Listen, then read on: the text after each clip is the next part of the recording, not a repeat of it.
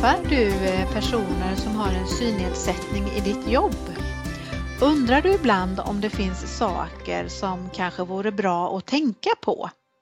I podden Synsätt så finns information som vi hoppas och tror är användbar. Vi vill gärna berätta mer för dig i det här avsnittet. Välkommen till eh, podden Synsätt och eh, dagens avsnitt nummer 41. I den här podden pratar vi om att det finns flera sätt att se på saker, att eh, synen är olika och att ens synsätt kan variera. Vi vill att vår podd ska ge dig som lyssnar kunskap på ett lättillgängligt sätt i dagens program så gör vi en sammanfattning och väljer ut några tidigare inspelade avsnitt utifrån vilka vi tror kan passa att lyssna på för dig som i ditt jobb träffar personer med synnedsättning. Ja, och vi som gör podden det är Margareta Svensson och Eva Karlholt.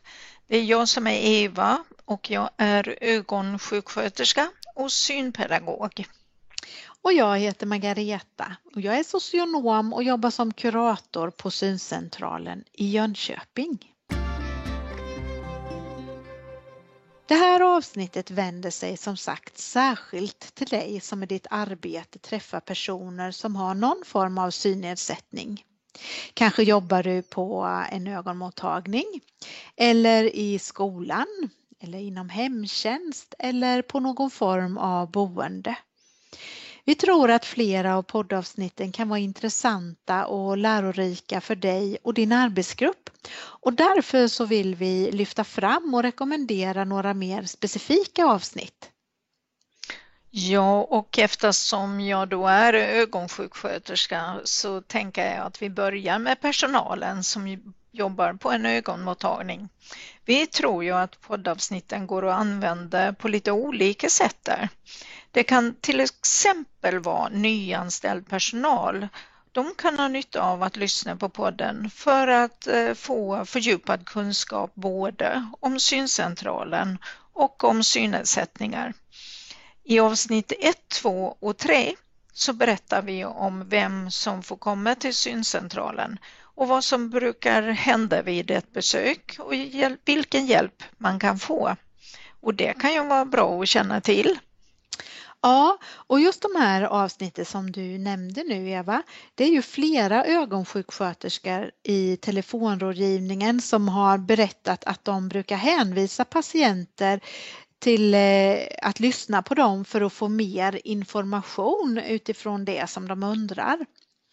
En del patienter har frågor kring synhjälpmedel och hur de får kontakt med syncentralen när de hör av sig till rådgivningen och då kan det ju vara väldigt praktiskt för sköterskorna att kunna slussa vidare så att eh, patienterna i lugn och ro kan lyssna och förhoppningsvis få svar på sina frågor.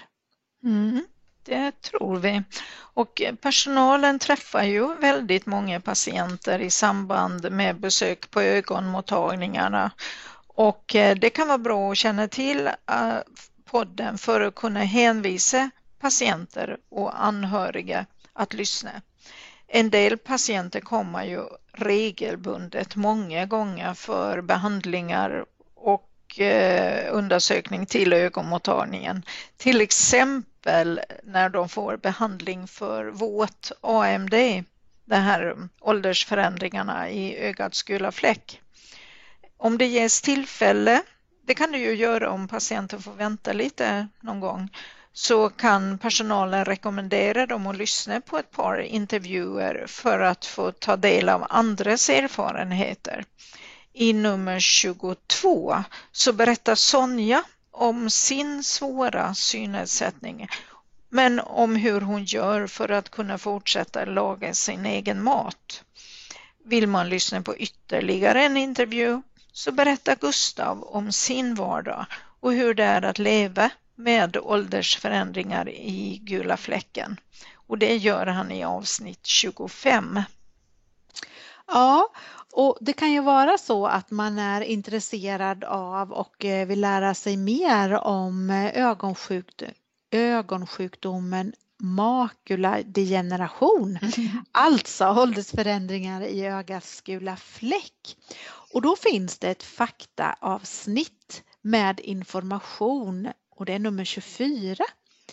Och vi tänker att som personal kanske det kan vara intressant att eh, lära sig eller höra mer om. Och vi berättar om både den torra och våta sorten och också om att det är den här ögonsjukdomen som är den vanligaste orsaken till kontakt med oss på syncentralen. Sen när det gäller glaukom eller grön starr som man tidigare kallade det så finns det ett faktaavsnitt och det är nummer 26.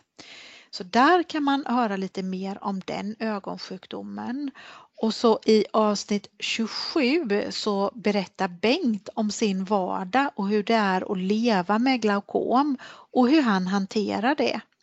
Och vi tycker ju att alla de här avsnitten är väl värda att lyssna på. En del av dem som hör av sig till en ögonmottagning, de har också frågor kring tips och hjälpmedel och vad de ska göra eh, när synen har förändrats. Och även här så går det ju bra att hänvisa till podden. För i avsnitt 6 så berättar vi om vilka hjälpmedel man kan få om man ser dåligt. Och sen har vi flera avsnitt med olika tips och råd. Och här nämner vi då nummer sju där vi berättar övergripande om saker att tänka på för att få vardagen att fungera lite lättare när man har en synnedsättning. Det handlar bland annat om belysning, kontraster och struktur. Det kan vara bra att känna till både för personal och för patienter. Ja, och de här avsnitten som eh, du nu har nämnt eh, Eva, det, det är ju inte bara för personal på ögonmottagningens, eh, de olika ögonmottagningarna, utan det kan ju även vara bra att känna till för andra personalgrupper. Mm, och när vi säger andra personalgrupper så tänker vi ju inom hemtjänst, kanske äldreboende eller gruppbostad eller inom skola och så.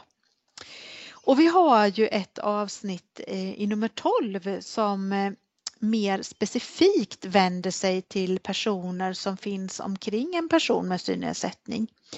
Och där ger vi fler tips och råd och säkert så känner du som lyssnar igen flera av dem.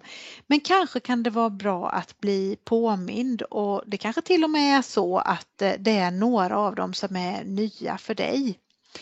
Vi eh, delar med oss och informerar om sånt som vi tycker är viktigt att lyfta fram och det handlar bland annat om tips när man träffas och även en del om eh, syntolkning. Ja, och eh, några tips som vi tar upp och som man kanske kan ha nytta av i hemtjänsten eller på ett boende, det är att tänka på kontraster.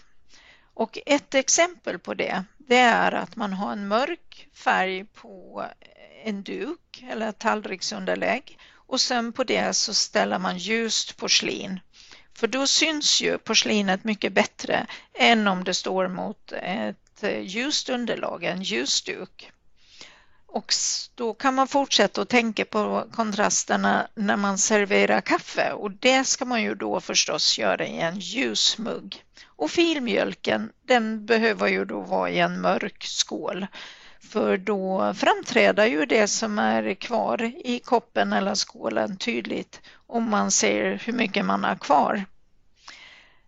Ytterligare ett exempel det kan vara att ha färgstarka handdukar i badrummet så det är lättare att se dem i förhållande till ett vitt kakel.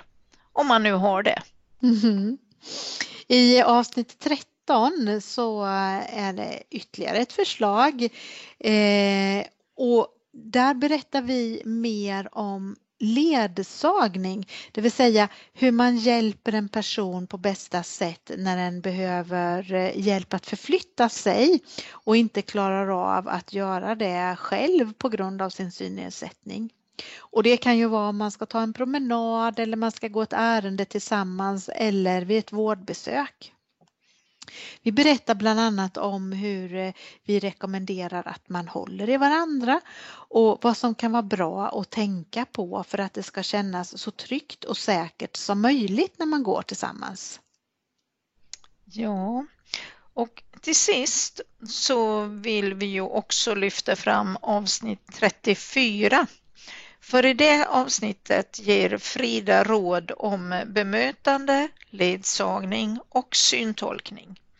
Frida har själv en medfödd synnedsättning och hon berättar utifrån sina egna erfarenheter. Och hon delar med sig av vad alla kan göra för att bemöta personer med synnedsättning på ett så bra sätt som möjligt. Ja, och titeln på det här avsnittet det är faktiskt ett citat ifrån Frida. Prata med mig och inte med min ledsagare. Och hon upplever att det tyvärr inte är ovanligt att folk i omgivningen vänder sig till den personen som är med istället för till den som har en synnedsättning. Och det kan ju vara bra för oss i omgivningen att tänka på, tycker Frida. Och det gör ju vi också. Absolut. Ja, det här var ju en hel rad förslag och rekommendationer som vi hoppas att du och din arbetsgrupp kan ha nytta av när ni träffar personer med synnedsättning. Stort tack för att du lyssnar på podden Synsätt. Tipsa gärna kollegor och andra om podden. Vi hörs!